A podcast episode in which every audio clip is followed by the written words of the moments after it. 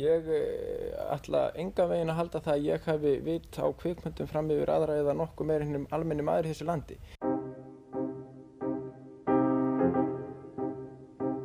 Og ég spyr þig, telur þú þig hafa það mikið vit á kvikmyndum að þú getur dæmt um þetta listræna atrið?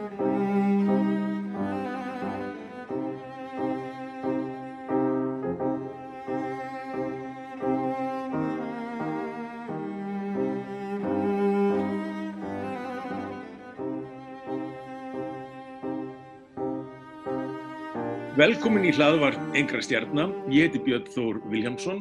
Yfirskrift þáttarins að þessu sinni er um vondleika, viðbjóð og viðsjárverða menningum eða hvernig ég lærði að láta af óttanum og elska hrollvekjum.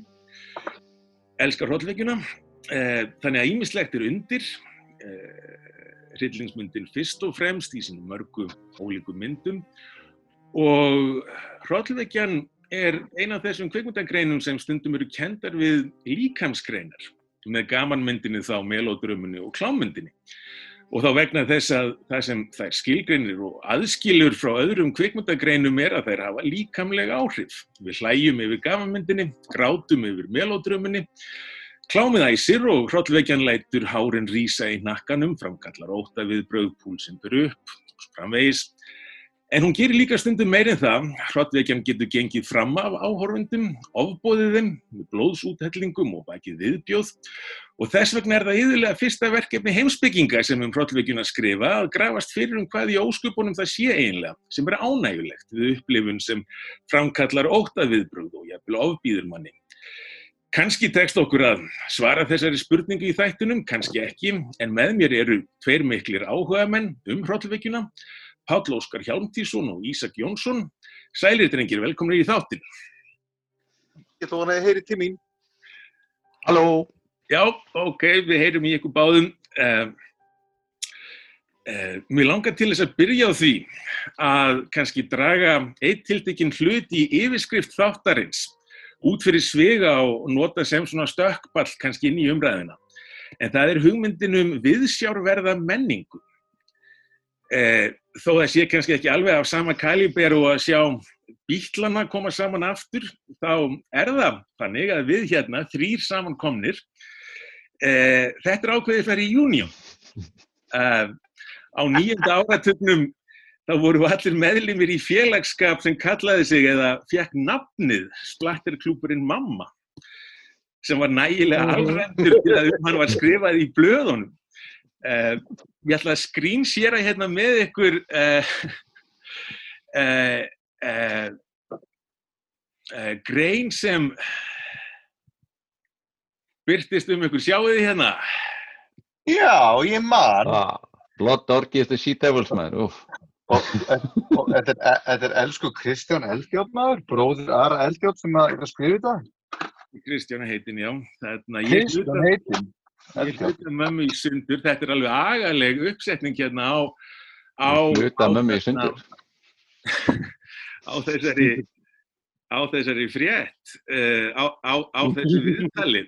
Þarna ef ég má bara aðeins halda áfram hérna sko bara fyrir, fyrir hlustendur sem ekki ekki sjá það sem við vorum að skrýnsjera á mill okkar þá, þá þarna uh, er hérna á einu stað splattermyndin skilgrein. Þetta er kvikmynd þar sem ekkert er dreigið undan í limlestingum og viðbjóði. Þó, þó myndir af þessu tægi séu bannaðar hérlendis er með þær eins og annað að menn gyrnast við forbóðuna. Mér tókst hann á tali af manni sem veitir forstuðu nýstofnum klubbi sem sérhæfir sig í því að horfa á splattermyndir. Ég byrjaði á því að spyrja hann hvort þessi klúpur hefði verið lengi í fæðingu og, og svarið er eh, klúburinn sjálfur er tildulega nýstofnaður en meðlimir hafa nú þekst í mörg ár. Það er bara fyrst núna að við gerum skipulagðir í þessum og Kristján heldur áfram kvikmyndaklúburinn Mamma, er það ekki svolítið óvenjulegt nafn og hins vegar ónafngreindi viðmælandi Kristjáns, þetta er náttúrulega ólöglegt aðtæfið þannig að viðmælandin er ónafngreindur. Hann segir, jú kannski, en það á mjög vel við þar sem það er dreigið af einni uppáhaldsmyndum okkar félagana sem heitir I Dismember Mama. Hvernig fyrir starfstími klúpsins fram og ég held ég verða að leifa hlustandum að heyra þetta hérna líka. Við hittumst einu sinni í viku, segir viðmælandin, til að fullnæja drápsfísn okkar sem á öðrum afbreyðum kvötum. Við horfum á hrylling sem er ekki kliftur af kvikmyndaeftirlitinu en það færum margir gámar af skærum í það að glápinu loknir sest niður og hlegið. Því næst setjum við dágóða stund og ræðum um kvikmyndir almennt því við erum engir pervertar. Við erum engir pervertar. Uh, uh, er það ekki rétt hjá mér að við erum með hinn ónafngreinda við þetta bladamanns í, í þættinum, Palli? Hörðu, uh, ég skal alveg segja þér hver satt fyrir svörum í þessu viðtali. Það var ég og uh, ég skal fúslega viðkjanna það fyrir ykkur og leiða, leiða ykkur í samneikana það. Það var Kristján Eldjátt sjálfur sem bara hreinlega skrifaði megnið af þessu viðtali. Veist, það er hann sem kemur með þessar línur, veist, að það færum nokkru gámar af skærum í það þessar myndir. og ég held að hann hafi komið með punktin að við verðum að svala drámsfílnum. Eitthvað svona. Og við erum samt engir perverta. Ég sé Kristján Eldjón í anda. Skrif þetta. Ah, shit. Ógeðslega gaman. Ég man bara þegar þetta, viðtal kom og þessi heilsýða byrtist, ég man bara hvað mér fannst hún juicy, þú veist, og gaman að lesa þetta og það sem var best af öllu er að hér var allan bara eitthvað eitthva ansvar við öllum sem pjúritanisma þú veist, þetta var ákveðið fokkjumerki. Að gefa þetta viðtal. Og mjög hressandi. Og fokkjumerki er ofsalega hérna, auðheilt og auðséð. Guys í þessu eftirliti. Við reddum okkur því stöfi sem við viljum horfa á alveg sjálfur.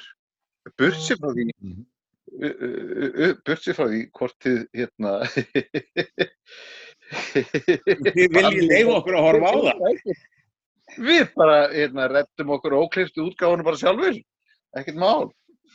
Þannig að það, það, var, það var bara gott að það byrtist og fín gott á þetta lið að lesa þetta. En verður ekki einmitt að sko til þess að bara setja þessa uh, uh, fréttagrein í samhengi einmitt að, að hugsa um, um og, og nefna bannlistan vegna þess að þegar þetta byrtist 89 þá einmitt hafa fjölmiðlar árum saman verið eh, meir og minna upp fullir af svona hræðslu áróðuri um eh, skað, skaðvænleika þessara kvikmynda sem þarna félagskapur hefur myndast í kringum sko, og, og svona hræðslu áróður var bísna ábyrrandi ég meina eh, Og, Jú, þetta var, þetta, þetta var, og þetta tímabil, það bara því mið, með, með tilkomu VFHS tækisins inn á hvert einasta heimili, þá varð úr gjörbilding í uh, dasgrárstjórn. Í fyrsta sinn ever, þá gætt hvert einasta mannsbarn verið sinn eigin dasgrárstjóri. Og reyndar var fólk búið að vera að horfa á kannski mitt svona super 8mm myndir heima hjá sér. Þetta var eina leiðin fyrir fólk til að horfa á bíó heima hjá sér fyrir dag á Vafáðis. En svo bara kom Vafáðis sem var miklu aðgengilegra og miklu auðveldara í allri framkvæmt. Ekkert mál fyrir bann að setja einhverja vídeospólu í eitthvað tækja og ít á play. og það sem gerist er að allt í einu flæðir yfir okkur hérna á Íslandi og sögumlega með restinni af heiminum. Allt í hennu flæða til okkar myndir sem við höfum aldrei séð sem við vissum ekki að það eru til sem við vissum ekki að hefur noktið verið gerðar og kom ekkert endilega frá nefnilega bandaríkjónum eða Breitlandi allt í hennu fengum við að sjá ítalskar veist, í, í uh, Lucio Fulci og Ruggero Deodato og jafnvel gamla Mario Bava stöfið. Ég hafði ekki hugmynd um að þetta hafi náttúrulega verið gert. Og aldrei var þetta sínt í sjónvarpinu, aldrei var þetta sínt á RÚF, aldrei var þetta eh, í laurasbjói. Þannig að það flæðir yfir okkur menning og un, uh, jaðarmenning, underground menning og þeir sem eh, ekki höfðu fylgst með og þeir sem uh, kannski voru ekkert movie lovers, þeir sem voru ekkert að pæli kvikmyndum neitt sérstaklega mikið, auðvitað fær þetta fólk áfall bara þegar það sér grafíkina á vídeospólu hulstrónum. Bara hönnunin í kringum margar af þessum vídeospólum var ok, stakk í auga stundum í orðsins fyrstu merkingu. Og hérna eins og ég hæsa Gordon Lewis. Og það hérna þannig að ég er ekki hissa á því að fólk hafi fríkað út. Og svo kom spurningin hvað með börnin? Eru blessuð börnin að horfa á þetta? Svarið var já. Unexpurgated, unedited, uncensored version. To avoid moral panic, keep repeating. They, were, only movies. There was a huge amount of unrest in society. There was mass- Bjössi, að því þú ert búin að skrifa svo svaklega mikið um þetta, uh, Já. veist þú þá eitthvað hvað, veistu hver gerði hennan lista og, og hvað þeim gekk til? Sko, Sko, það, það er ein af ráðgátanum uh, í kringum þetta allt saman. Uh, sko, það sem þeim gekk til var að bjarga bara æsku þjóðarinnar. Uh, bara, bara eins og, Já. bara eins og í Breitlandi þetta, er bara, þetta Eh. var uh, í Breitlandi voru þetta svona trúarlegir hópar sem voru að agnast út í Life of Brian mikið, mikið til sama fólki held ég sem að, sem að stóð fyrir þessu já, voru oft ekki nafngreind, sko, það, það, það rótiriðist út svona meðlimir eh, kvikmynda eftirlitsins. Mm. Níels Árni Lund var svona andlit þessa alls á nýjunda áratugnum, Mm. eins og við kannski munum. En, en þetta, og yfir Eital var líka hann einhverstað hún, kom, hún kom síðan á tíunda áratugnum, sko. mm. og þetta voru svona félags fræðilega mentað fólk, kennarar og slík og svona. Það var sóst eftir fólki með, með þarna eh, slíkan bakgrunn í eftirlitið. Tengdafæðin með núverandi satt í því um langt árabil. Ok. Að því það eru, það eru myndir hérna á listanum, sko, hérna sem ég er að lesa, sem hafa auðvitað farið á bannlistan örgulega út af nafni myndarinnar. og- eða kápunni sumar, Eða- sumar já, kápunni. eða eitthvað slis já, og já, já Þe- Þessi listi, ég get sagt það bara strax lesandi þetta, þetta er gert af algeri vanþekkingu. já, já Það- Þú veist, liðið hefur ekki einu sinni rúla myndunum í gegn, sko. Sko jafnvel þó að við Já, bara já. gefum okkur að, einmitt að, að, að, að markmiðið hafi verið göfugt sko, þá er þetta algjört feiljur sko, í, í ljósi bara uh, yfirlýstra markmiða sko. Já. það er einstakar tillarann eins og Cannibal Holocaust og þú veist, Gestapo pyntingamyndir nærmast, Ma- maður getur alveg séð að það sé réttlætanlegt, ok, þú veist þetta er kannski ekki ein sem ætti að vera þú veist, En ein, eh, sko, svo eru myndir eins og Ninja Wars og þú veist, já, já, og minnst því Supervixin, Russ Meyer er þetta. Jú, jú. út af baðherbyggisatriðinu og eitthvað. Er, þetta er eiginlega, er þessi listi sem ég er að lesa núna, hversu mikið er hann byggður á breskalistanum? það er það er overlap, sko sko breskillistin gefur bara minnum aðeins aðeins hvenær kemur hann aftur út Mm, sko við Sko. erum Fyrir er á okkur held ég hérna, sko, en, en þau voru með norska og, og danska og sænska lista til samanburðar. Þannig að, Æ. þannig að Skandinavíu hvert hafa er mikið. þau hafa eld breytana þá, Sko, Skandinavíulið, af því ég á þetta hérna, þetta er alveg crazy flott heimildamynd um þetta. Hefur allir séð hennan kassa? uh, Hann heitir bara Video Nasties. Hann er frá hérna, hann hefur komið út fyrir svona fjórum árum síðan eða fimm árum síðan. Og þetta er svolítið, þetta, þetta er töff uh, útgáfa. Þetta er sko, ég að vona að sjá þetta. Ekki sé þetta aður. Þetta er alveg Ó, aftur, sorry, er svona ekki. svona djúsi. Þetta er svona þrýr diskar Já, og vídeodróm. ó- Nei, ógeðslega, vídeonastis. já, hefur þið séð þetta? Já, ég sé það ég, og ég horf- og ég horfði á líka á eitthvað ítarefni þarna viðtal við fólki sem að var í myndinni, sem var svona ítalegri viðtal við og þetta var mjög skemmtilegt.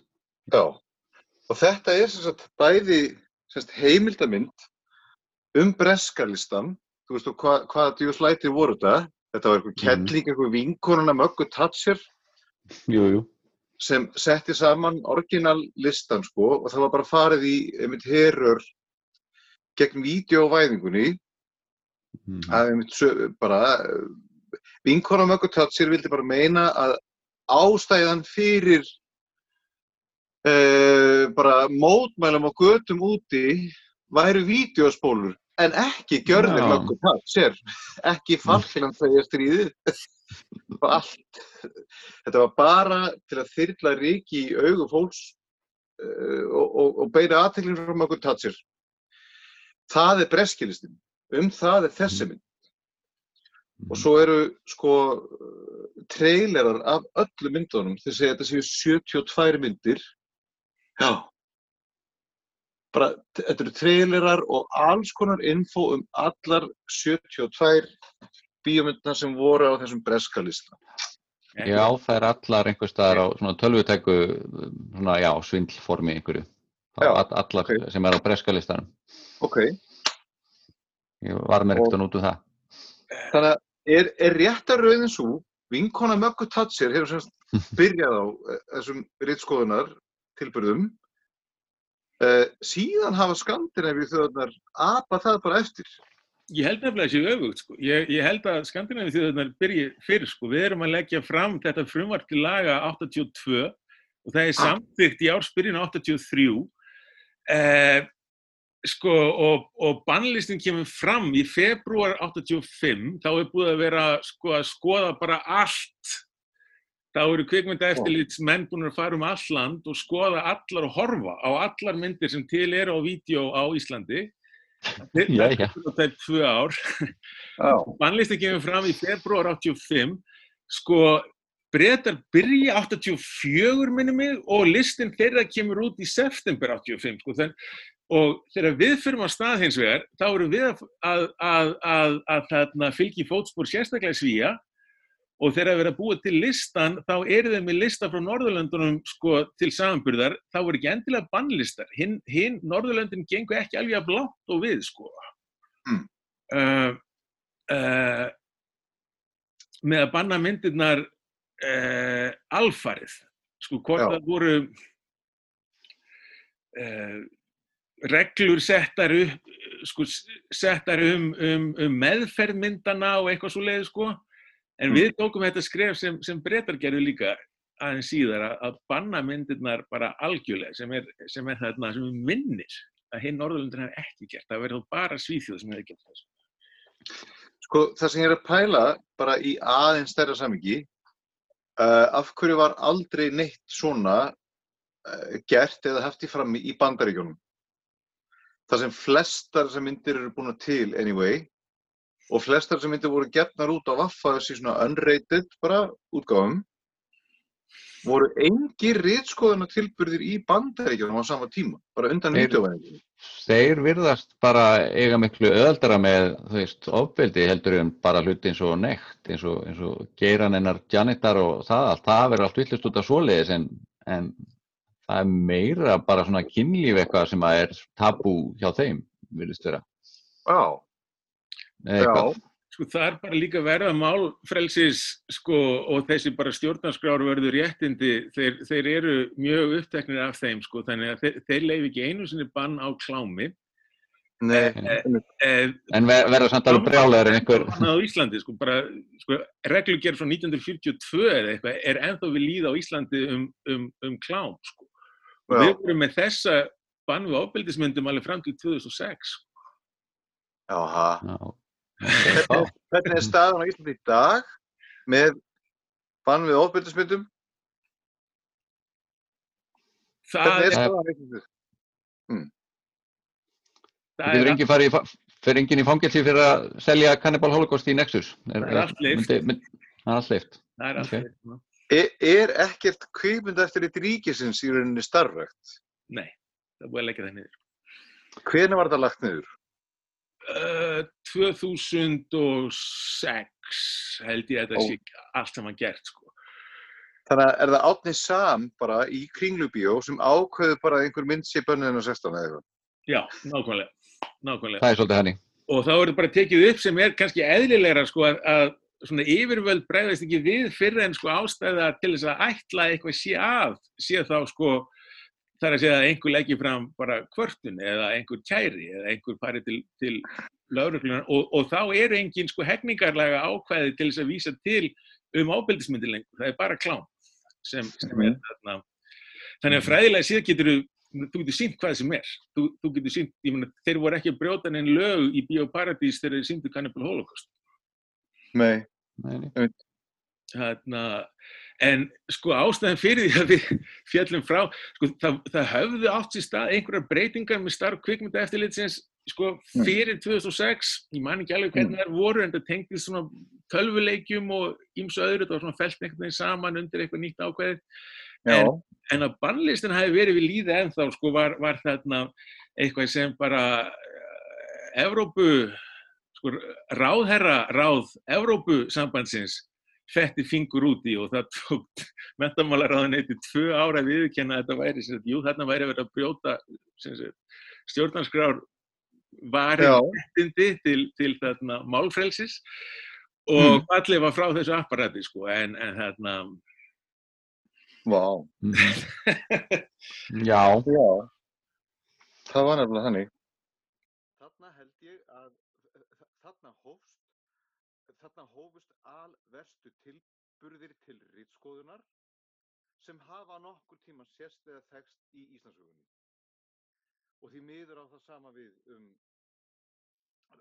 allavega Breitland og síðan restina af Skandinavíðunum sem fríkuðu út yfir, yfir Vaffa-S vídeobyltingunni. Þetta voru bara viðbröðum sko. Þetta voru rítskoðunar tilburðir og uh, mál er að þessir þeir gerðu engum neitt gagn og gerðu myndirna sjálfa bara miklu meira spennandi. Að ná í, veist, reyna að ná í óklift útgáðunar og þannig að þetta var bara eins og ógeðslega góð auglýsing fyrir Cannibal Holocaust og, og Evil Dead og allar þessar myndir sem eru tilteknar á þessum lista sem er auðséð klambrað saman af miklu vanviti uh, og það eru jafnvel myndir þetta á milli eftir, eftir stóra leikstjóra í bransanum. Þú veist, Það eru myndir af þessum Kronenberg og, og svona. Gauðra, sem er sko. þú veist, Texas Chainsaw Massacre og þetta er svona klassík Hall- Halloween 2 er hérna kvöldið Maskarens Natt 2 það er með dönsku dönsku vaffæðis útgáð og hérna Hvað er hægt að segja um hennan bannlista? Hvað, hvað, hvað, hvað svona, hvað vakir fyrir fólki sem stillir þessum myndum upp saman? þessi ban, þessum bannlista eru þessi klambrað saman af einhverju fólki sem að vissi ekki hvað það var að gera. Þetta eru myndir eins og Ninja Wars og þú veist, Hard Rock Zombies, I please. sem, sem er by the way framleitt af Sigurinn Sigvartsinni og uh, Ragnar Fossberg sá um make-up í henni Ég, way, Ragnar, bönn, bönnuð af kvikmyndaeftirlitinu. jú, jú. Þú veist, það var svona svona bull. Og svo eru eðalmyndir hérna, þú veist, eins og Scanners. Og hér er Rosemary's Killer sem er nefnilega, getur maður sagt, svona gore klassík. Mm. Og það er búið að gefa út Rosemary's Killer á Blu-ray í, þú veist, 4K núna. Af því hún er klassík. Mm. Og þannig að þetta er, þessi þessi klambrað saman í einhverju panik af mikilli vanþekkingu. Ég ætla að vona að fólki sem hafa gert þetta sjá eftir því. Evil Dead á ekki heima á svona lista.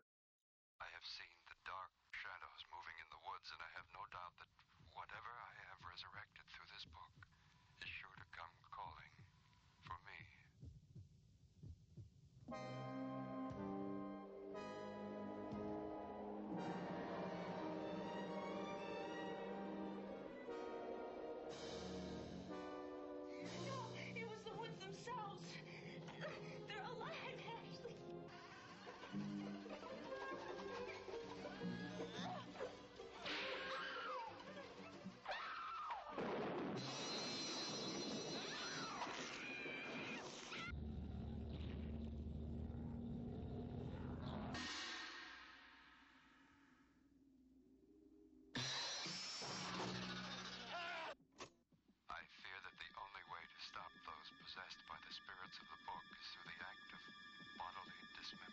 Evil Dead er unnin af fólki sem var á aldrei 1921 og Sam Raimi er bara það ástríðu fullur kvikmyndagerðamaður að þau eru þarna 19 ára krakkar að klambra saman Sam Raimi mynd hvað sem það kostaði.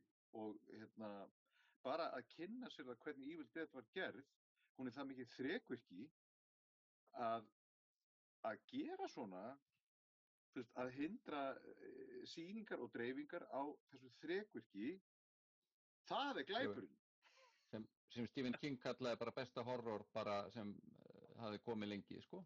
ég menna Já, þú veist, þú veist svo komum was íslenskir game. afda, já, ís, ís, íslendingar íslenskt afdala fólk og bannar þetta bara Já. Sko. Evil Dead var game changer Hmm. Evil Dead var game changer og Evil Dead er í rauninni eh, einn af fyrstu sko Vaff-HS hitturunum.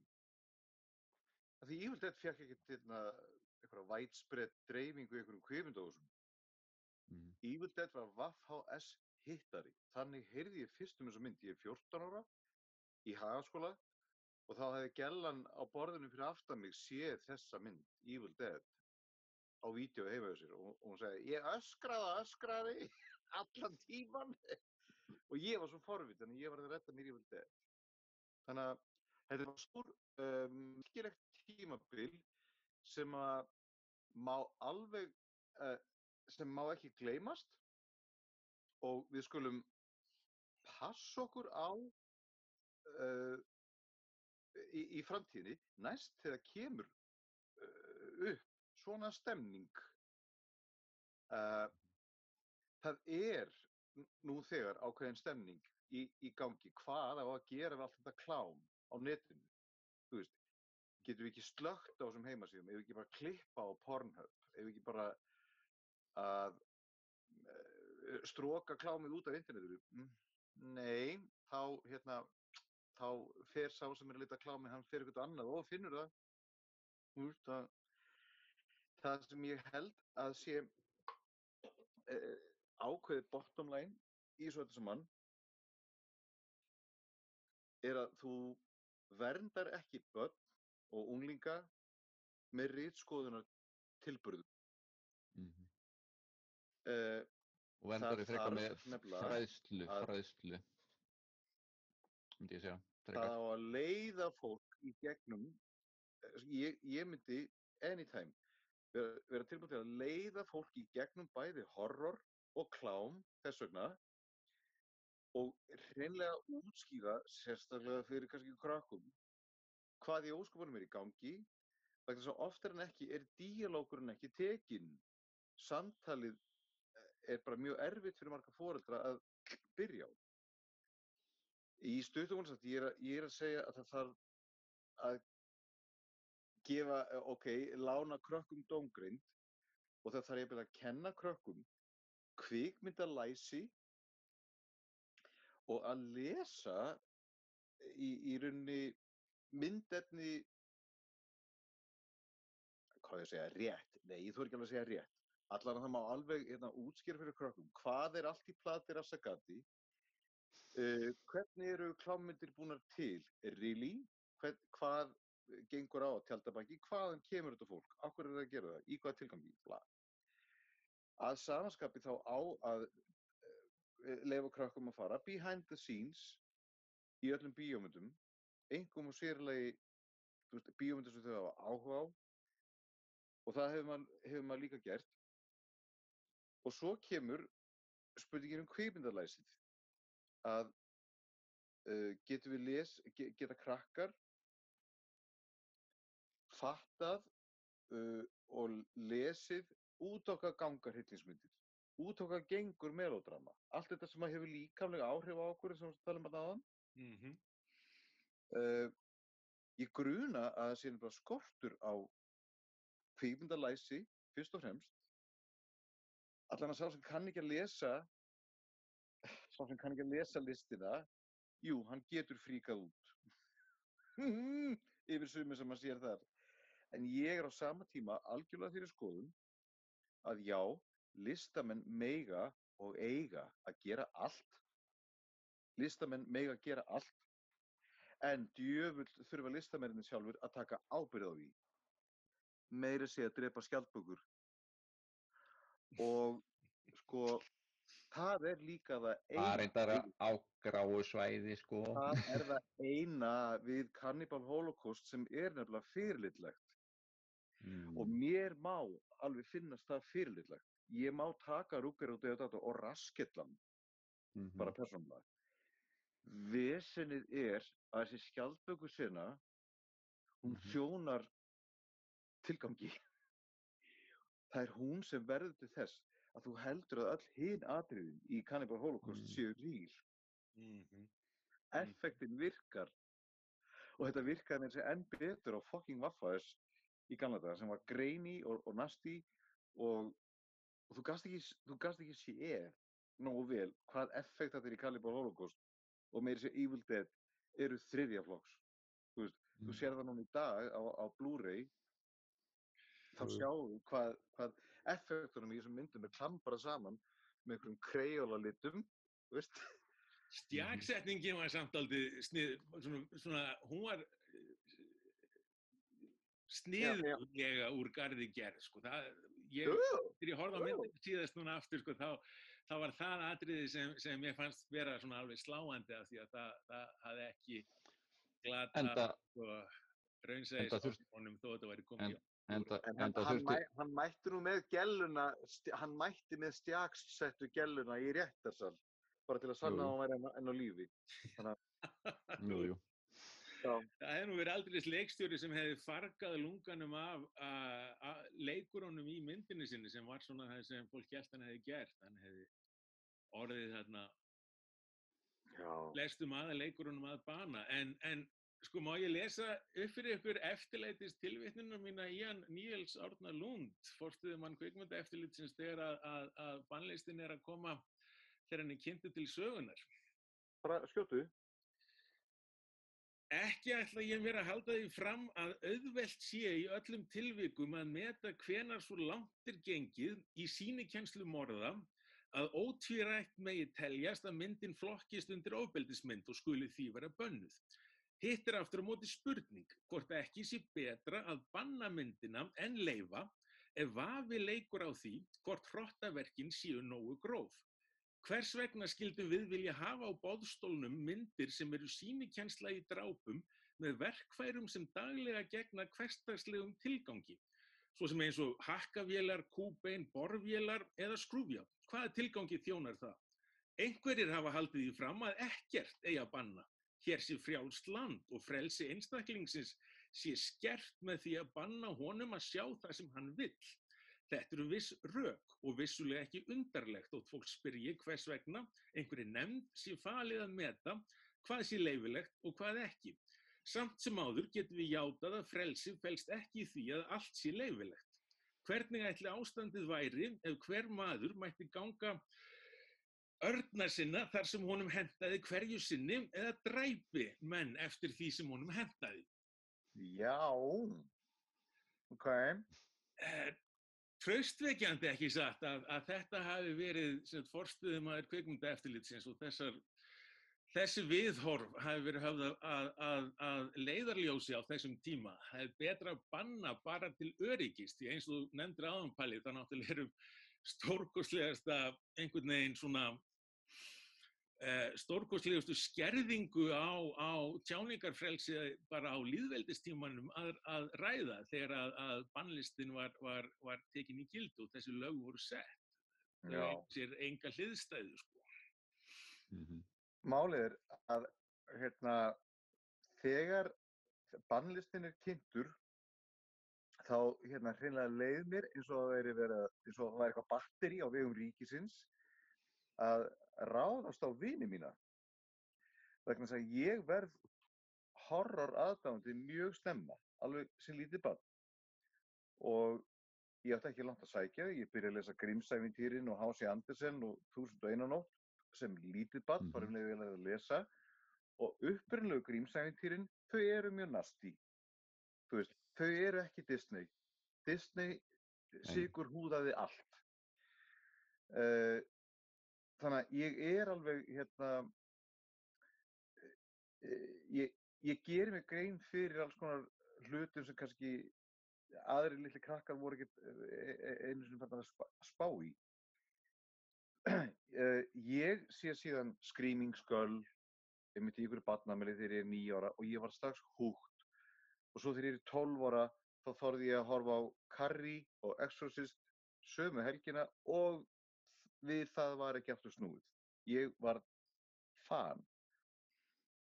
Ég held að ástæðan fyrir að ég hafi trillst svona yfir Carrie og Exorcist er að ég tengdi við báðar myndirnar.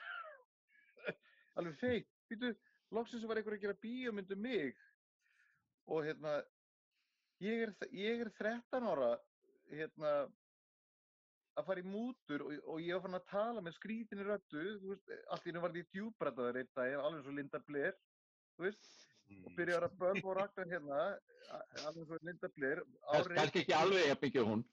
Já, já, ég, ég tók, ég tók mitt rebel tímabil. Uh, ég elska horror. Ég get hort á allt. Ég get hort á, eh, eh, einmitt, grínmyndir, drama, arti-farti-dótið, uh, dan, dans- og söngamyndir. Ég get hort á þetta allt og ég þekki þetta allt. En horror er mitt uppáhalds sjannra. Horror er best. Uh, mál er að við getum sagt sömu söguna á margan hátt. Mm. Við getum alveg uh,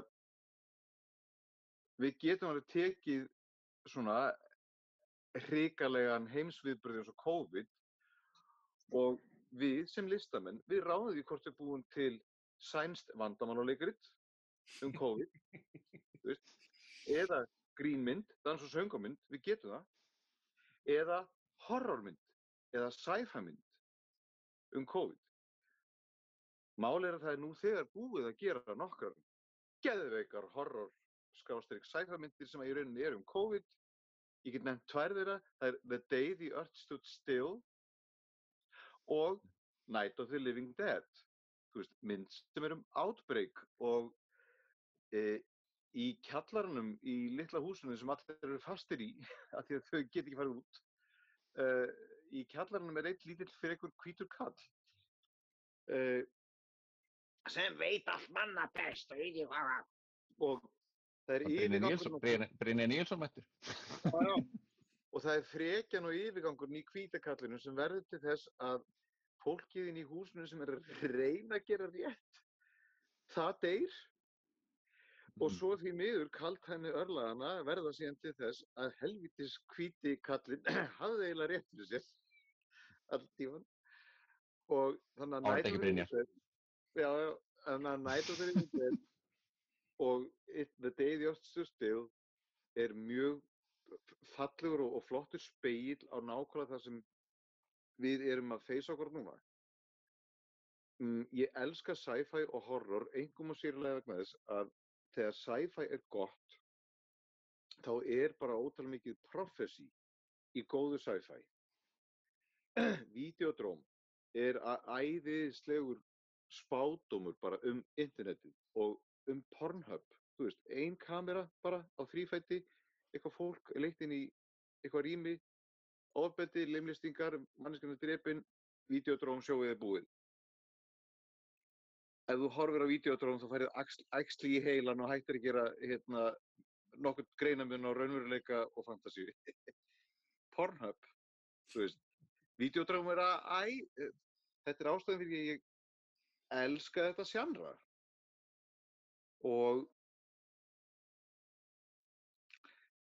Og málið er að við meðum heldur ekki gleyma þetta litlu hliðagreinunum í þessu sjannra. Splattermyndir það sem við erum að tala um í, í mömmu, það er ákveðið sjannra sem ég tengi sérstaklega við Herschel Gordon Lewis. Og það er bara hans nálgun, það er hans vision, það er hans sín á sögur, á, á sögur sem eru helviti klefver hjá honum þótt Hersi Gordon Lewis hefði verið lélegur kvikmyndagerðamaður, þá má hann eiga það að, að plottin og, og sögurnar og handritin sem hann er með í höndunum eru klæðver. Þú veist, Wizard of Gore er gott koncept af, af, af, af bíómynd bara per se. Hann hefur, alltaf, hann hefur verið miklu uppáldi hjá þér, Herschel Gordon Lewis, er það ekki? Jú. Uppáldi lengi, sko, þetta er að, að horfa á kvikmynda eftir hann, er, er það næsta sem mér finnst í komast í bara að, að, að einhvern veginn lamast í líkam og anda. Já. Að, bara skelvingu yfir því að svona laga þessi til. Já. Ríðinlegur að ég þekki ekkert sem, sem kemst í líkingu við það. Nei, og það, er, og það er ekki hægt að gera svona framar. Þú veist, að því það, það, það er ekki hægt að búa til svona bíómyndir framar af því við gætum auðvitað, ég gæti búið til Hersegordan Lewis mynd og gert hana betur núna á síman minn. Já, já, já, þú getur það. Og það er eiginlega, e, þannig er ákveðin sjarmi, það, þannig er, það, þú horfur á Hersegordan Lewis og þú ferð í tímavél sem þú getur ekki kallað fram aftur. Ef það er ekki góð list, ef að listin fyrir ekki með þig á ákveðin stað, fattar þau, þá er það bara líka list. list listin hans, Hersegóttur Lúis, fer bara með þig á þennan stað. Já, að hann allavega fattaði það að í bandaríkjónum undir framleiðslu sáttmálanum þá gæst ekki sínt hönd snerta brjóst en þú gæst sínt hönd með nýf skera brjóstið af. En það er maðurinn starffræðingur og hann reiknaði bara út. hvað hann mætti gera, hvað ekki. Ladies and gentlemen, you are about to witness some scenes from the next attraction to play this theater. This picture, truly one of the most unusual ever filmed, contains scenes which, under no circumstances, should be viewed by anyone with a heart condition or anyone who is easily upset. We urgently recommend that if you are such a person or the parent of a young or impressionable child now in attendance, that you and the child leave the auditorium for the next 90 seconds.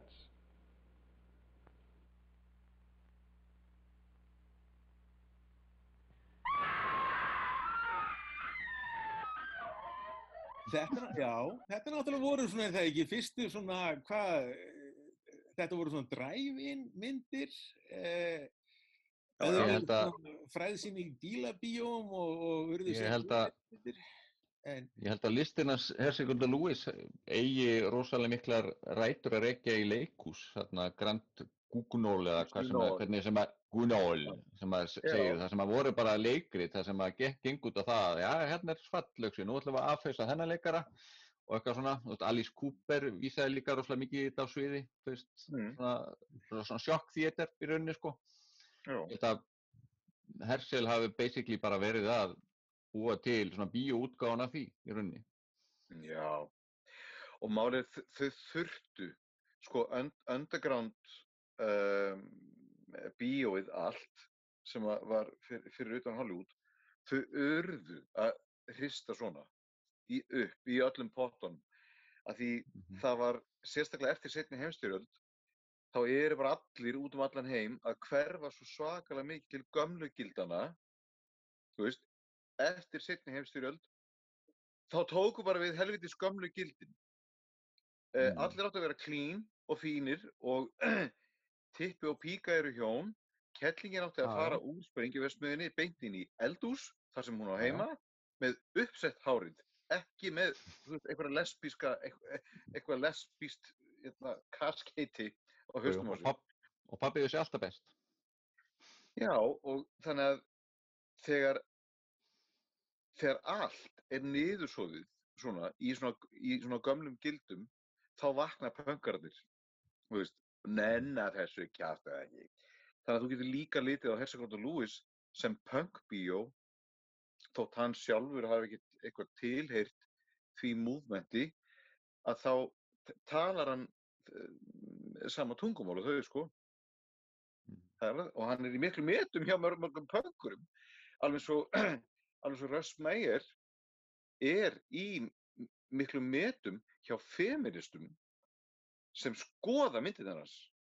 Skoða ekki bara plakkutin þegar feministar skoða myndirnar hjá Russ þá reka þær upp stór augu. Jú, ok, þessi maður heimsýn þessa manns var bara stór brjóst niður á hnið en hann er að segja sögur sem að eru juicy og stelpurnar og konurnar í myndunum eru alltaf leiðandi afl. Kallmenninir eru aukalutur. Allar konurnar eru sem í myndunum þær eru aðalhuturkið og aukaluturkið.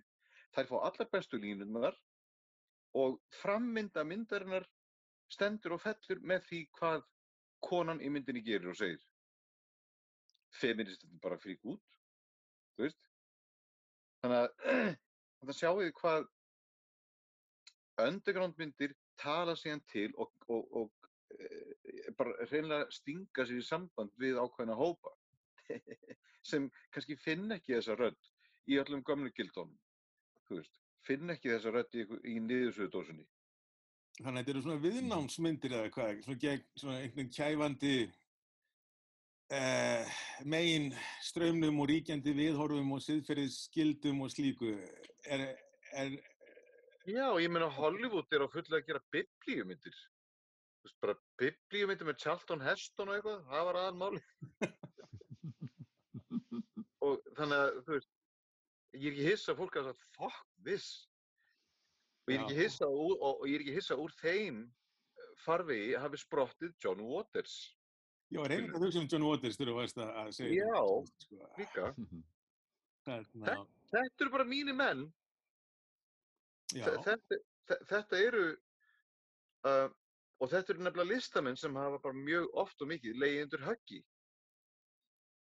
Uh, móralista og siðferðispostula og um, En ertu að taka þarna svona eitthvað svona úrval af svona úr þessari hefð einhvern veginn svona braskmynda, exploitation mynda, hryllingsmynda, uh, mynda sem voru svona að reyna að leika á mörgum þessi mátti sína kynferðislega og svona sko, uh, mm. uh, er þetta svona einhvern veginn svona Svona það, það, það besta sem spratt upp úr þessum jarðvegi eða, eða, eða hvernig svona sko, úr, þessum jarðvegi koma nokkri risar auðvitað. Þú veist það koma nokkri stóri spámenn og uh, það er mjög auðvelt að hoppa hérna yfir. Ég myndi segja þú að, að, aðal töffararnir í horror og go, í gorinu var Hersa Gordon Lewis Andy Milligan skilur og þetta, þetta er rosa þetta early Svo, svo, náttúrulega eru líka bara menn sem að verða með frægir og ekki endilega líka bara fyrir horror. Ég meina David Cronenberg verður náttúrulega frægur fyrst fyrir horror en henni verið að gera alls konar bíómyndir síðan sko. Að. Francis Ford Coppola byrjar í horror, veist, hann byrjaði þarna með hvað, Dementia 13 eða eitthvað liðs. 13, já, já. Og alls konar, þú veist, það eru mjög margir sem að koma og líka margir sem koma frá honum hérna Korman, sko, Roger Corman náttúrulega fóstraði mjög marga svona sem eruðu síðan náttúrulega, Já. hvað heitir hann, Jonathan Demme sem gerir of the Lambs. Hann Já, var já. Coppola. Roger Corman, Corman, Corman já, og Co- Coppola líka, já. Og sko Og segir sér, já, jú, hann gerir Boxcar Bertha með Corman eða ekki. Jú, en svo er eitt sem við ekki að gleyma, því ég var hægt að spá í byrju, akkur var engin rítskoðun í bandaríkjónum, akkur, hérna, eh, akkur látaði slasserinn svona vera, akkur búa er til svona mikið af slassermyndum uh, á 80s tíðanbylunu sérstaklega. Mhm. Við megum ekki gleyma því að árið 1975 kemur Ókindin og Ókindin er fyrsti blockbusterinn. Aldrei áður í kveifindasögun hafði fólk staðið í byðröð fyrir utan eitthvað kveifindahús að sumri til, til að fara á eitthvað bíómynd. Multimiljón dollar bara risabatteri Ókindin. Svo við ekki gleyma því árið 1978 kemur Halloween.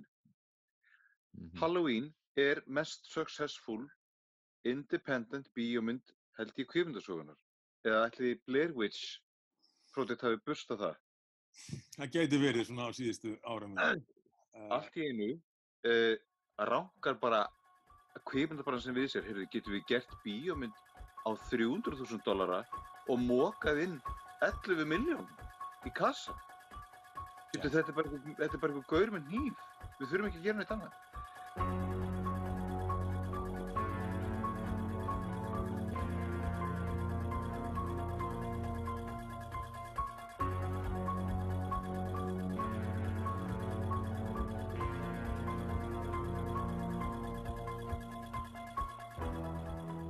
Sko alltaf að loka stelpan sko, það hefur aldrei verið deilt um það hvort að sko þessar til dæmis 80s kviðristumundir séu sko hvort það sé svona afturhaldsum pólitík sko, þú veist, úlingum er refsað fyrir að stunda kynlíf, stelpunar sem stunda kynlíf það eru alltaf drefnar, það er meigjan sem fær að lifa af og svo framvegis, sko, þetta er annað sjónarhóttnið, hitt er það sem leikur á, áherslu á, sko, hversu sterk síðasta stelpan er og að hún sé hetja myndarinnar og þessi hún sem sko komi eh, hverjum hvað, hvaða illmenni sem það er þá í tiltekinu mynd eða, eða viðkomandi mynd fyrir kattarnef sko, líka bara með bara- reypi bara líka langsökur.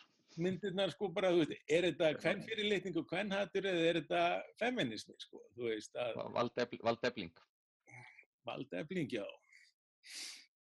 Ég held að þetta sé hérna, frekar valdefling eh, frekar en hitt og svo má heldur ekki gleyma nein, eh. Ég er að lesa grímsæfintýrin alveg frá því ég bað. Svona æfintýri og sögur eru oftar en ekki e, e, e, þetta eru sögur sem eru annarkot skrifaðar eða þær varðveitast sem munnmæla sögur og þær vennilega uh, hérna, hafa alltaf sama tilgang. Þetta er, þessar sögur eru sagðar og skrifaðar til þess að ala upp börn og jafnvel vara börn við ákveðnum hættum. Ekki fara út af veginum. Gerði alltaf eins og, veist, mamma einn segir. Uh, ef þú ferð út af veginum þá gætur þú A, vilst, þú veist, forever og eitthvað lið gæti fundið þig annarkvort einhver norn með súkulæðuhús eða úlfur, þú veist, í skóginum eh, sem hefur ekkert gott í hyggju. Þannig að það er alls konar, um, þessar sögur eru svona vegvísir í gegnum lífið. Málið er að í, í, í horror, horror oftar en ekki gengur út á það sama. Við hérna, ven, venjulega fólkið sem horfum á bíómyndina, við erum að samsvara okkur oftar en ekki við venjulega fólki í bíómyndinni sem þarf að díla við einhvern óvætt eða einhverjar aðstæður sem að geta verið svolítið hefi og skilabúðin eru venjulega alltaf þau sömu í öllum horfumyndum óvinurinn eða skrýmslið hefur alltaf einhvern veikan blett. Hver finnur veikablettin og síðan dílar við hann? Oftar en ekki þá er það the final girl, stelpan Mhm. eða eitthvað fólk sem að, hvað getur maður að Þeir sem lifa, þeir sem lifa að horfmyndunar eru oftar en ekki the final girl. Um, ég aftur á móti eins og þið heyrið á mér, ég, ég nota síðan horror, nota gildi horrorsins. Er í raunni, er í raunni það að ég, það kemur eitthvað hræðilegt upp eins og COVID og hér sitt ég og segi, ég sé þetta allt saman áður. Þannig að, þannig að þótt, þótt þessi vírus hérna hér, hér og nú að gera okkur lífilegt, þá A, veit ég að þetta, tí- þetta er tímabundið ástand og kannski vegna þess að ég er þetta sjóaður í horrormyndum, þá hef ég aldrei í gegnum allt COVID árið, ég hef aldrei náð að komast á eitthvað kvíðastað eða áhyggjustað, ég hef aldrei fengið hnút í magan. Uh, ef eitthvað er þá er ég búin að ná að, hérna, að, að taka verðmætamatið hjá mér svolítið betur í gegn og gera mér betur grein fyrir hvað er það skiptir með máli og hvað ekki. Ég er kannski svona pollrólegur af því ég er búin að sjá svo mikið á horror so far. Og hérna, ég auðsið fríka ekki út yfir sö, sömu hlutum og annað fólk. Þannig að þetta er svona undirbúningur. Þú er búin að undirbúið þig fyrir að vestra. Já, Þú sjá fullt af já. heimildamyndum um þetta áður en þetta skellur á. Já, já. Ég, ég er búin að fá svo mikið af góðum grímsæfintýrum, bara sem veganesti, Já. í gegnum lífið. En það er líka eitthvað, sko, þú varst að tala um með Eisenhower, svona einhvern veginn white picket fence tímabilið þarna eftir setna stríð Mm. og hvernig allavega meginströms Hollywood bara, þetta var algjörlega svona veruleika fyrt, fyrtur kvikmyndaeinar, það er margt rosalega gott um hann að segja, sko, en út af framleiðslusáttmálanum, út af því að bara kvikmyndin nýtur ekki sömu vendar og, og bara til dæmis bókmyndir í bandaríkjum, uh, þá þá verður svona frábara framveitslisáttmálinn tekin í notkun hvað, 34 og síðan látið af honum á sjönda áratugnum, sko, á þeim tíma er þetta sko kynlausustu og ópólitískustu sko þjóðarbíó bara í heiminum. Og það, það eina sem brýtur þetta upp finnst mér og kannski frá mig Psycho sko er, er hrollvekjan sem fer að sína okkur sko að undir niðri eh, þá séu alls konar svona hlutir, þú veist, neyðir og, og öfl og, og, og, og, og samfélagið sé, sé kannski ekki eins og látið þeir í veðri vaka, þetta er svona pæling sem David Lynch tekur síðan upp alveg og hleypur með, eins og Blue Velvet sko, en frá Já. með Psycho finnst mér þetta líka bara að vera hluti af, af Já. Mhm. sko, einhver sem kemur jafn vel fyrir og er jafn, jafn sjarmerend og Norman Bates, Mm. undir niðri, það er er ekki- úlfur á ferðinni, sko, og skrim, skrimsli er ekki þarna úti, það er hérna inni. Já. Já, Mm. og skrýmsli er ekki rússi eða það er ekki einhvern veginn tálkvendi eða einhverjum svona skrýpamyndir, svona karikatúrar af, af, af, af, einhverjum típum, sko, heldur bara, þú veist, hver sem er getur verið, sko, og fólk er kannski almennt ekki gott og undir niðri eru kannski einhverjar svona kraumar í okkur, einhver, einhver djöfulgangur. Já, já. Mm, ég hérna, held samt að þrátt fyrir eh, hérna, framlýstu sáttmálan og það allt saman og, og þrátt fyrir að það hafi verið svona eh, að mörguleiti clean og kynlaust og hérna, ógeðslega white picket fence saklaust auðvitað, var, auðvitað voru punkarar líka þú veist á eftirstíðs árunum sem nettu þessu helviti ekki og reynda árið sitt besta þú veist, eh, voru kannski að díla við að annarkvæmt voru þeir að gera sínar bíómyndir fyrir utan Hollywood Mm. systemið eða þá að ákveðið fólk innan Hollywood systemsins er, reyndi bara að rebela og that's the fun part. Að, hérna, hver, eh, hvernig þau hérna, hvernig þau fóru að því. Og ég verð að segja fyrir mitt liti að ef ég vil hafa, ef, ef ég vil hafa náðugt og ef ég, hérna, ef það er sunnudagur og ég vil horfa einhvern luxus, þá nefnilega horfi ég á gamlu Hollywood, 30s, 40s og svolítið inn í 50s, bara gamla svartkvítastöfið. Já. Uh, fyrir ekki Betty Davis og Joan Crawford, báðar tvær, súperstjörnur og þær báðar uh, eru mitt stöðugt að tönglast uh, bæði í Louis B. Mayer og Jack Warner gemmir betri handrit. Þú veist, þær báðar voru bara ég verð að fá, þú veist, þetta er ömulegt handrit. Betty Davis ég vil leika hóru sem er bara walking the streets og hérna er að díla er, og, og að því það var hérna það kom upp eitthvað, eitthvað svakarætt issue og það voru vændiskonur í einhverju stórborg sem voru, voru alltaf skornar í framann og það var, það, það var vegna þess að það var einhver pimp, eitthvað ógeð sem að hérna, refsaði vændiskonunum sínum uh, með því að kötta þær í framann svo enginn myndi vilja sænga hjá þeim framar. Og Betty Davis greip þetta lofti og hún leikur í bíómynd sem heitir Marked Woman Yes.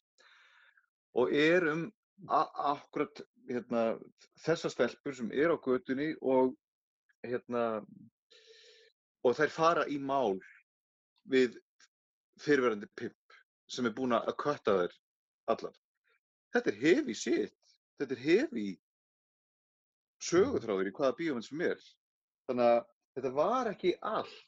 Og er alveg Alveg ljóst að þessi tekið. vændiskonur, sko, vegna þess að, að þarna, jafnvel það var alltaf mikið feimnismál, það voru oft reynd að fara svona aðeins framhjá því hvað, hvað konur gerðu ef það er átt að vera gleðikonur, sko. Já, já. Ég, ég hef ekki séð þessa, er alveg ljóst að um, um, um er, Sko, er, er- er, er- Sko, Jack Warner uh, var bara Quentin Tarantino. Veist, Warner er að hérna, gera töff myndir með töff glæpamyndir, veist, það sem, hérna, það sem fólk sveifst einskís á meðan MGM var bara að gera glamúr bíómyndir og dans- og skilurðu. þá, þá var bara Warner bara nasti fyrirtæki, þú veist, og svona, og hann sjálfur líka, kallinn. En Betty Davis átti bara mjög vel heima þar og fílaði það og ástæðan fyrir því að Betty Davis verður huge er að liðið elskaði hana fyrir það að hún sagði alltaf satt. Hún mætti alltaf í alla fjölmiðla í öll viðtölu og sagði alltaf satt. John Crawford gataði ekki. John Crawford varð að leika hérna leika þessa prim and proper glamour gælu og John En Crawford öfundaði Betty Davis bara að geta gert þetta. Þannig að ég er að segja það, það voru alltaf til, það voru alltaf einhverju rebelar og pönkar þarna inn á milli. Líka þótt, þótt alltaf að vera eitthvað clean eitthvað á yfirborðinu og í kringu þau. Svo var líka, líka áhugavert að sjá líka bara allt hvernig menn fóru einmitt í kringum þetta eins og til dæmis, nú er ég með bakgrunninn minn úr The Haunting frá 1963 Mm, og, þa og þar á annar á aðal, önnur á aðal hvern person er lesbía sko Jú, jú. að- sagt í bókinni sko Mm. og það er aldrei minnst á það einu orði í The Haunting að hún eigi að vera lesbía en það, er- það er gaman að fylgjast með því hvernig þeir leika sér að því þeir fyrir svona flögra í kringum þetta svona eins og, já, svona í kringum heitan graut þeir segja Já. það án þess að segja það sko Já. það er svona mjög áhugavert Það er bara snill. Þú Það er bara, það, það- er á, ákveðin list að ger, gera það og geta það og Mhm. takast það. Nákvæmlega, af því að það náttúrulega mátti enginn vera lesbi í Hollywood 1963. Það, virkaði kannski Það bara mátti ekki. eins og hindrun eða eins og Lars von Trier talar um hindranir sem svona eitthvað sem er jákvægt fyrir sköpun og þróttin sko. Framleiðslusáttmálinn virkaði náttúrulega líka þannig fyrir marga. Það bara var ákveðin svona ákveðin list að fara í kringum hann. En Einmitt. Ég meina, þú, þú veist alltaf þegar tvær í sama herbyggir reykja síkaretu saman. Þú veist alveg Það hvað er þeir eru búin nýbúnar, að á, gera. á, nýbúnar, já, já. Já, já. Þannig að það, Eða þegar- eða þegar klippt er bara frá- mjög frá- oft notuð. En það er samt Ja, alveg ja. magnað að skoða sko þetta, þið, þið kallar þetta pre-code tímabilið sko frá 27 til 34, sérstaklega frá svona 30 til 34. Það er Mm. magnað að horfa á þessar myndir áður en framvislisáttmálinn var tekin alvarlega sko. Ég trúir því alltaf að svona myndir hefur verið gerðar og þetta séu svartkvíta myndir passar ekki Mm. vegna þess að þær eru svo opinskáar og svo hreinskilnar og svo einhvern veginn bara einhvern veginn fullóninslegar og nútímalegar. Þetta er Mm. það sem fer, sko, þegar að Já. þeir byrja með þessar svona svakalegu rítskoðum, sko. Eru dæmi um þetta, sko, sk- bara skipta til, dæmis bíómyndir nógu miklu máli í dag til þess að, að fólk sé að æsa sig yfir þeim lengur? Eða, eða hvernig svona, er eitthvað annað búið að taka við? Ég meina, eru kvikmyndir bara það miðlægar í menningunni lengur að, að, að menn séu að, sko, eins og í gamla daga þegar Last Temptation of Christ gerði það að verkum að bara bandaríkinn fór á hliðina, sko, og mikilvægi þessar einu myndar var bara svo mikið, sko. Er einhver möguleiki við sem að, þú veist, væri einhver möguleiki á slíku í dag? Ég held ekki sko, ég, þú veist, eftir að vera búin að horfa upp á myndir núna bara trekk í trekk, bara eins og hún myndist á Lars von Trier Hásteð Jackbilt, Antichrist, þú veist, þetta er svona, það, ég held að það sé bara mjög erfitt að sjokkera fólki í dag sko, og, Já, eða valda og einhverjum ég- svona, Og ég held að leikurinn þurfi ekki endilega að ganga út á það að sjokkara. Ég held nefnilega að þetta sé bara vístækt. Auðvitað veit ég að kvikmyndin í sjálfu sér orðin það einmitt uh, samdöina miðtöðakerfin í okkur sjálfum að hún kannski bíómyndir og sjónvarsleitir uh, við, við, við, við, við, við, trillumst ekkert. En ef efnistökin skipt okkur máli og snert okkur eða jafnvel ef, ef bíómynd getur dreigið okkur inn í, inn í einhvern heim sem við höfum engan líkil af eins og bara bíómyndin Lof mér að falla. Mm uh, ég hef ba- e- einu sinni í lífinu labbað inn í dópgreini uh, að öðru leiti þá hef ég sko takmarkaða vitneski eða allt, all vitneski sem ég hef um líf sprautufíkla er mjög takmarkuð þannig að þannig að lof mér að falla er mynd sem er bara speill inn í ákveðin raunveruleika sem ég er ekki partur af. Mhm. mjög gott dæmi um listaverk sem þjónar eiginlega samfélagslegu legum tilgangi, verður til samfélagslegs gags Já. og já, það eru næsti atriði í Láð mér að falla og, og ef eitthvað er þá fannst mér eins og þeir hefði mátt ganga lengra í því öllu. Mhm.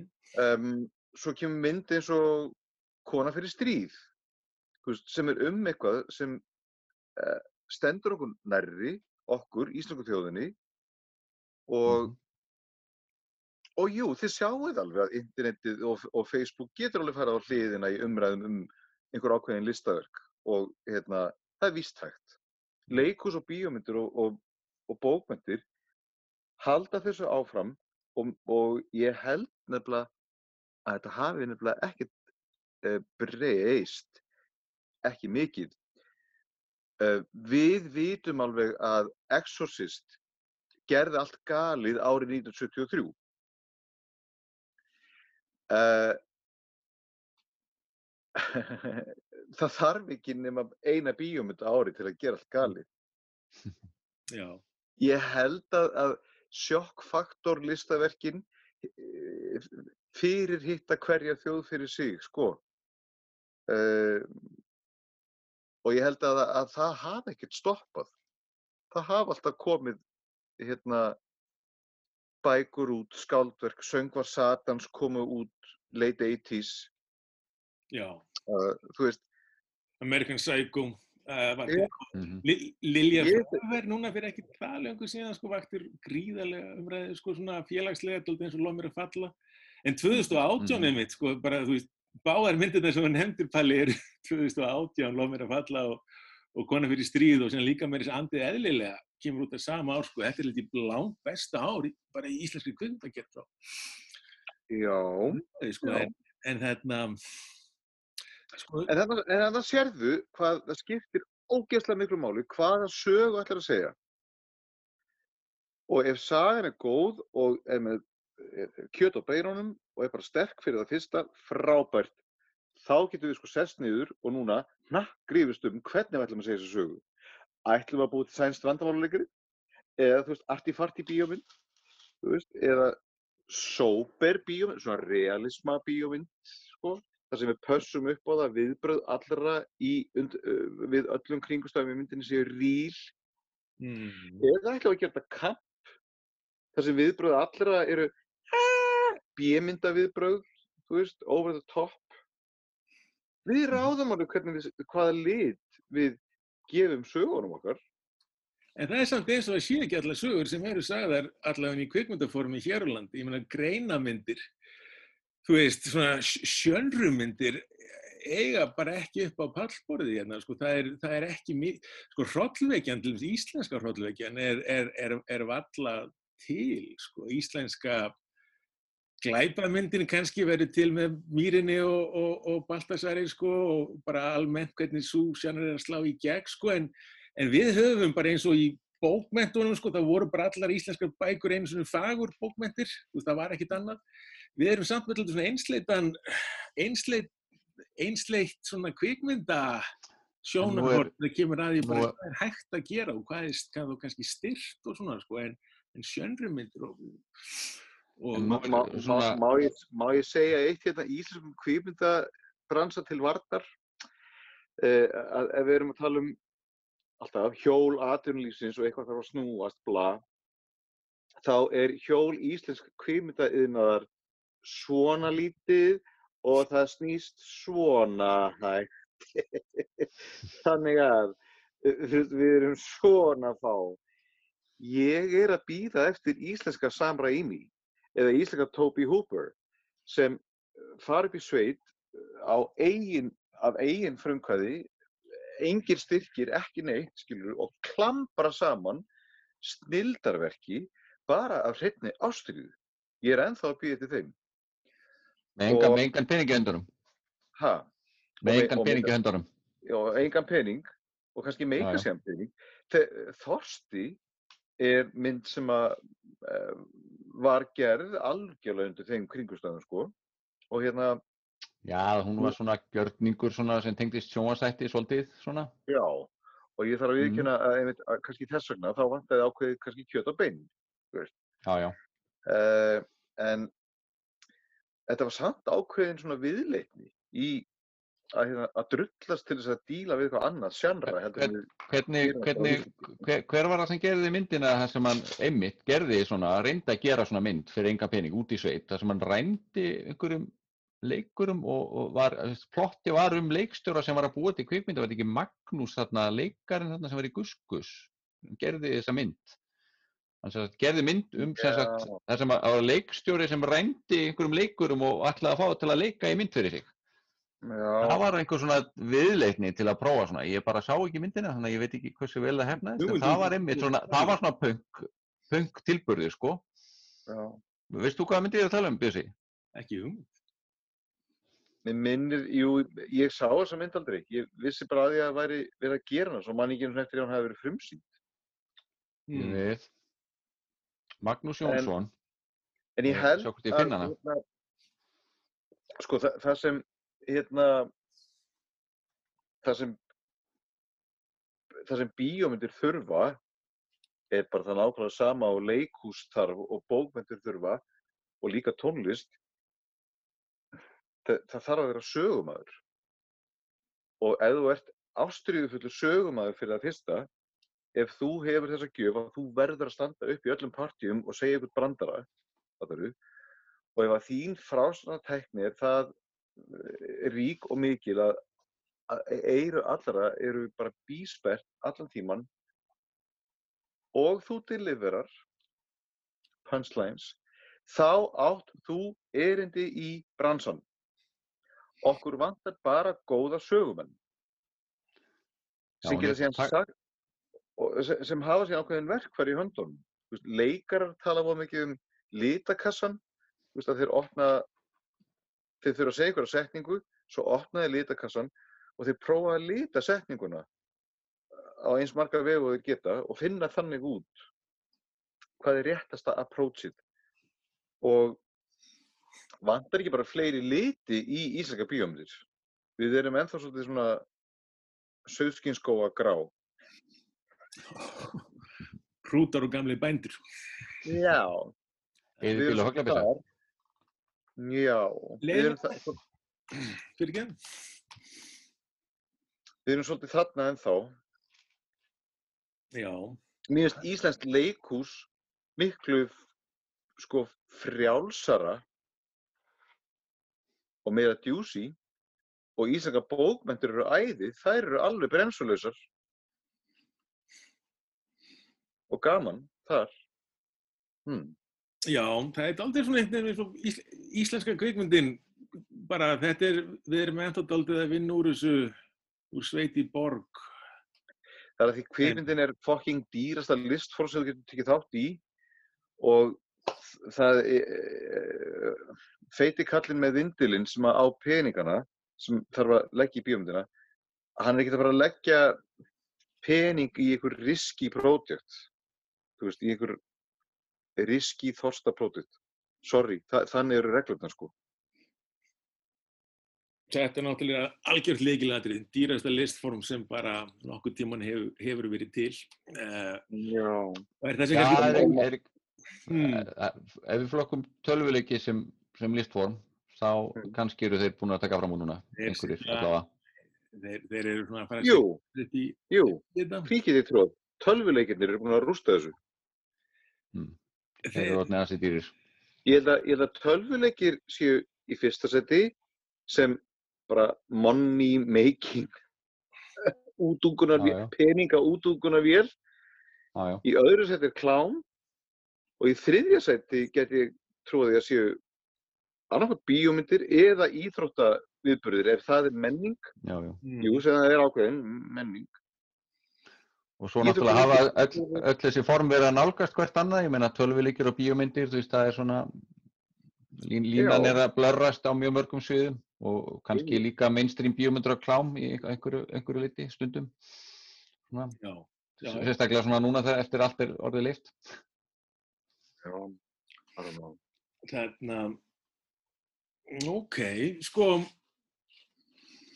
mér langar til þess að, að sjá hvort ég geti svona, kannski þegar svona undir lokin aðeins farið að, að þarna, eh, ef einhver skildi að vera að hlusta sem svona er forvitin um, um og velti fyrir sig hvernig sé best að standa því að verða sér út um svona dálitla hrollveikju og, og braskmynda mentun.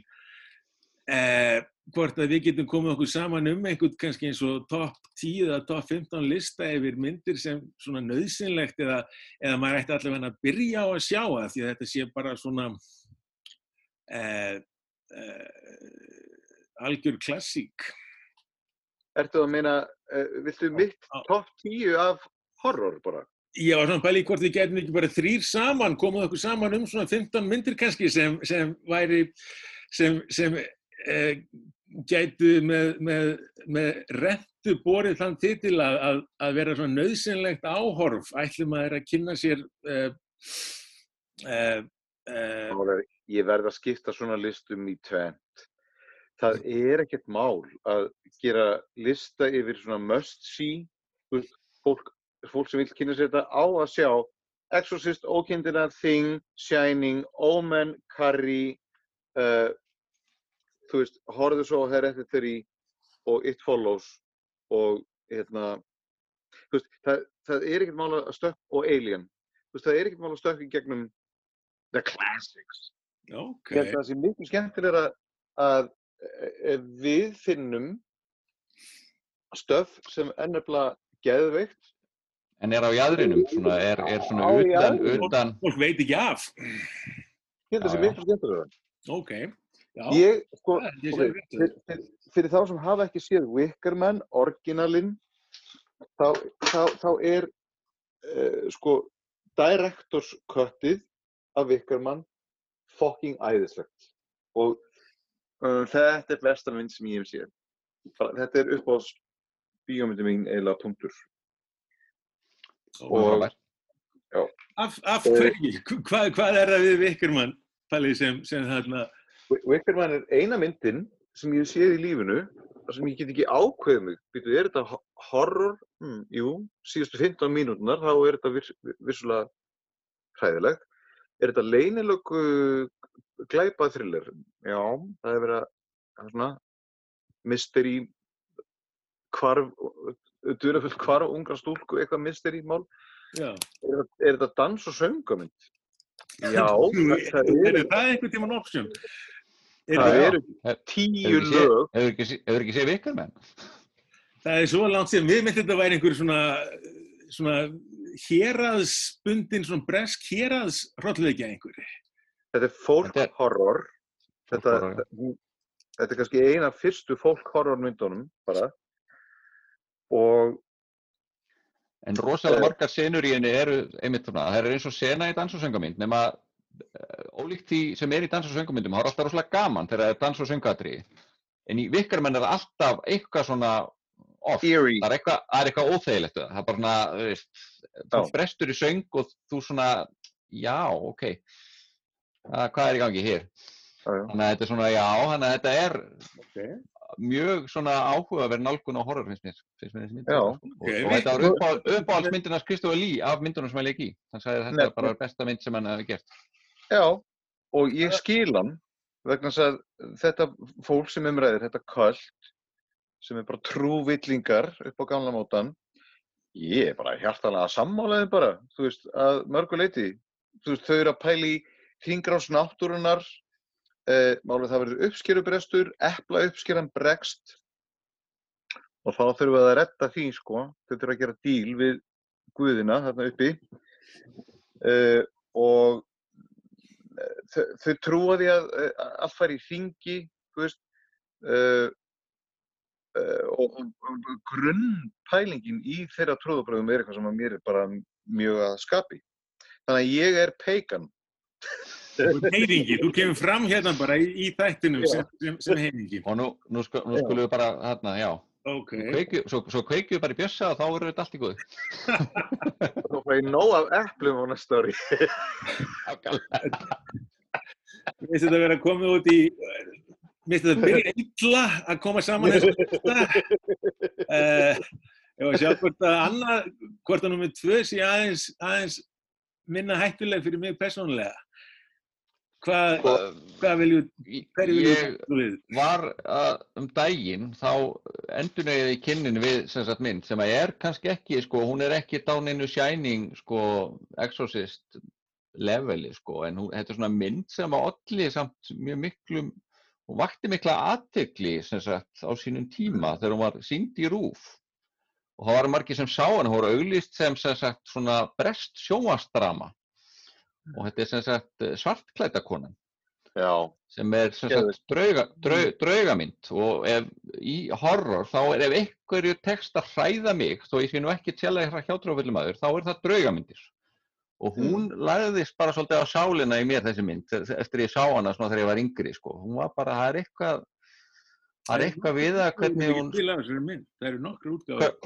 Hún hefur verið þetta er, þetta er breska sjónvarsútgáðan sem hann gerir 1989 minni mig uh, nei 1990 eitthvað sliðis Harry Potter var í nýleiri útgáðu, sko.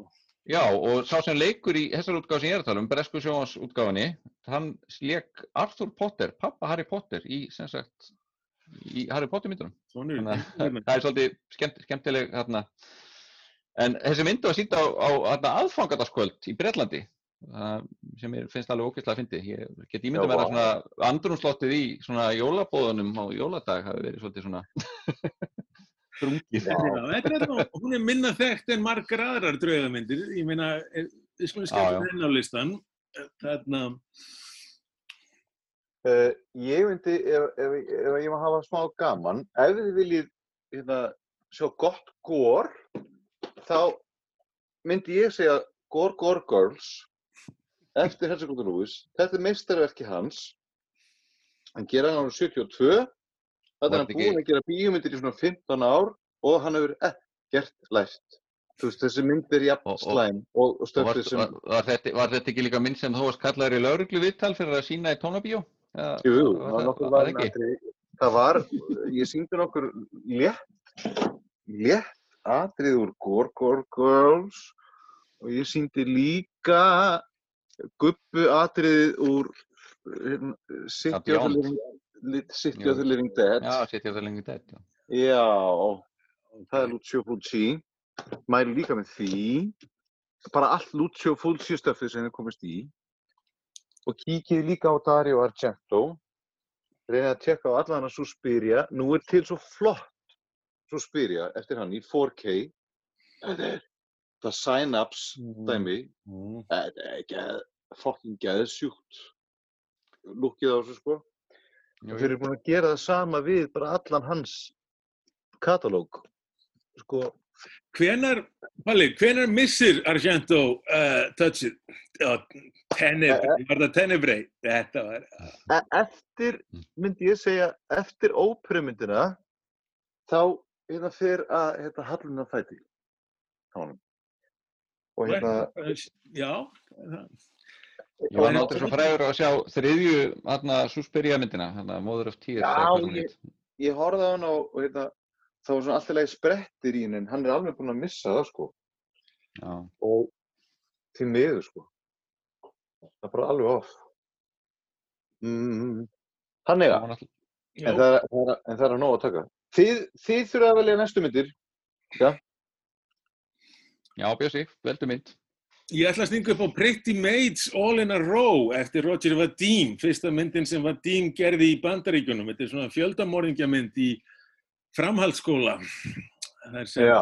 na, eh, ok fjöldamorðingin herjar á ungar stúdínur og, og svona einkennismerki hans er að skilja eftir svona einhvern svona miðanældan í bossan á þeim og uh, þetta er, sko, böndin fara að berast að uh, íþrótta þjálfara skólans sem í senn er líka félagsráðgjafi skólans uh, leikinn af Rock Hudson í svona þegar það er að fara að halla alltaf vel undan fæti á ferlinum sko með það magnaðasta yfirvaraskegg sem ég held að hafi sést allavega að kvikmyndum 8. áratugurins og voru þó mörg flott yfirvaraskegg þá Ok og þarna hún er bara sko, Vadim hugsaði þessa mynd sem allserjar svona gaggríni á bandaríkjunum, sko, brá kapitalismunum og bandaríkjunum og hversu ósmekkleg og, og yfirbólskend bandaríkjunum voru, sko, en, og gerir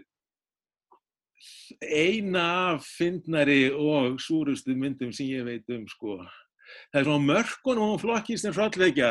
Það er bara mjög erfitt að flokka þessa mynd, sko, en, en út af fjöldamorðingja vinklinum þá ætla ég að leiða mér að, að, að, að flokkana sem, sem hrollvekju og þetta er eina allra skemmtilegsta mynd sem hægt er að horfa á, sko. Það er ekkert Ok. mynd sem er ekki hilarís.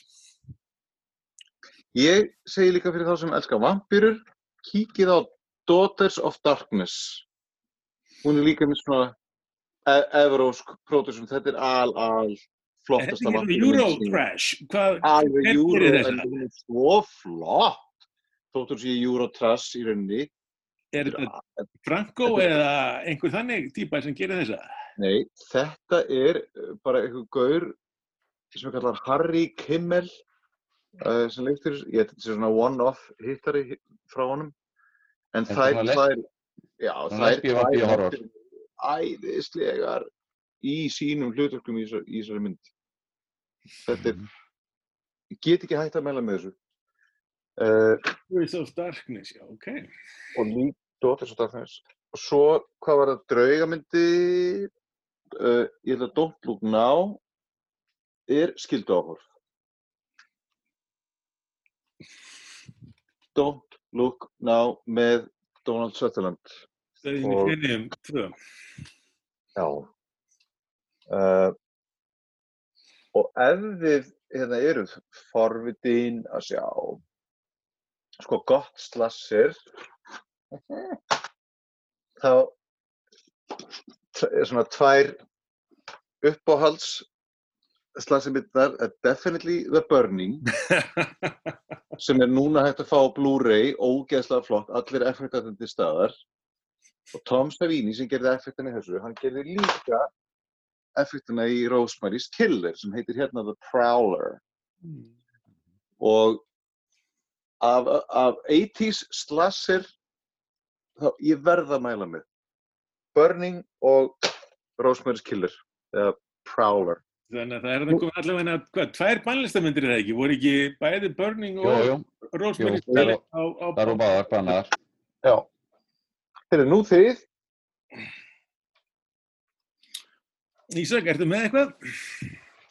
Er ég með eitthvað, eitthvað sem að er utan svona, hvað að segja, mainstreams en fólk ætti hins vegar að sjá?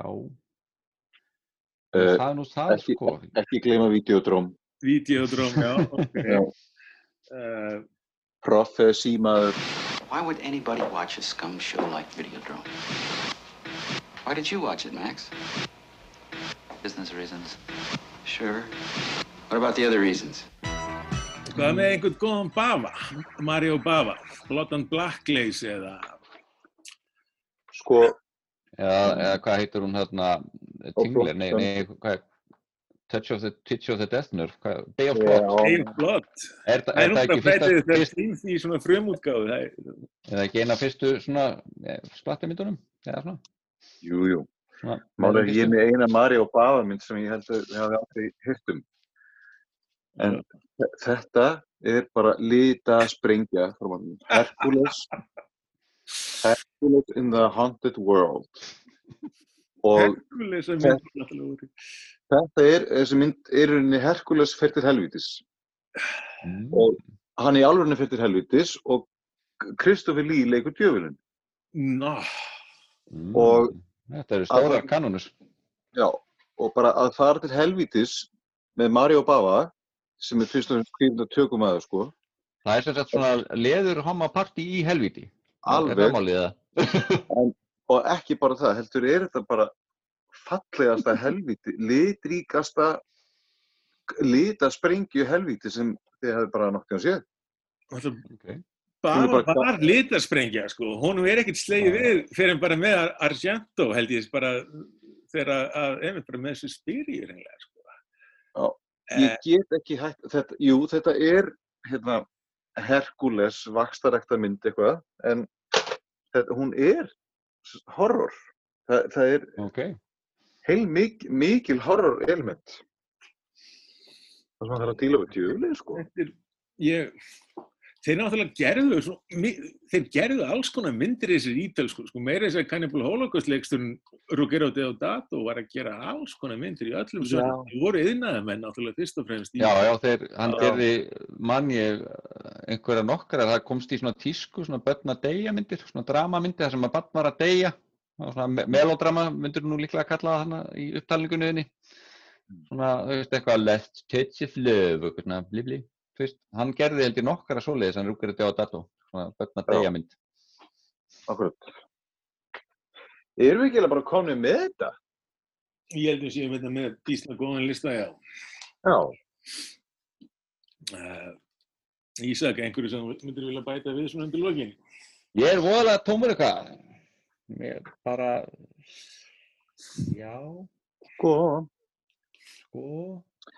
Ég held að ég sé komið ágættis lista, veist, um, að, og fyrir þá sem að mm, þurfa að drullast til að kynnast bregandi Palma og vilja prófa smá hérna gór Sisters. Mm. Og hann er náttúrulega, Brandi Palma er að stela frá hérna, Hitchcock, voða mikið, en hann stal bara svo vel og flott að ég bara fyrirgjóð honum á jú, var ekki, var ekki, var ekki Obsession eftir Patti Palma, svolítið Vertigo aftur og allt þetta. Allar Palma myndir eru eitthvað Drestu Gil var Psycho aftur, svolítið. Ég held að það séu 14 Brian Palma. styrtuatriði í höfundurverki Brandi Palma. 14 stuttatri, já. Ok. Hann, hann reynir sig við það aftur og aftur og aftur. Já, já. Meiri því nýju myndir hans þarna í tískuheiminum er, er, er svona styrtuatriði. Já. Já, ok. Uh, ég bara vil þá að lokum þakka ykkur fyrir báðum uh, Páll Óskar og Ísak takk hérlega fyrir spjallið Takk Takk fyrir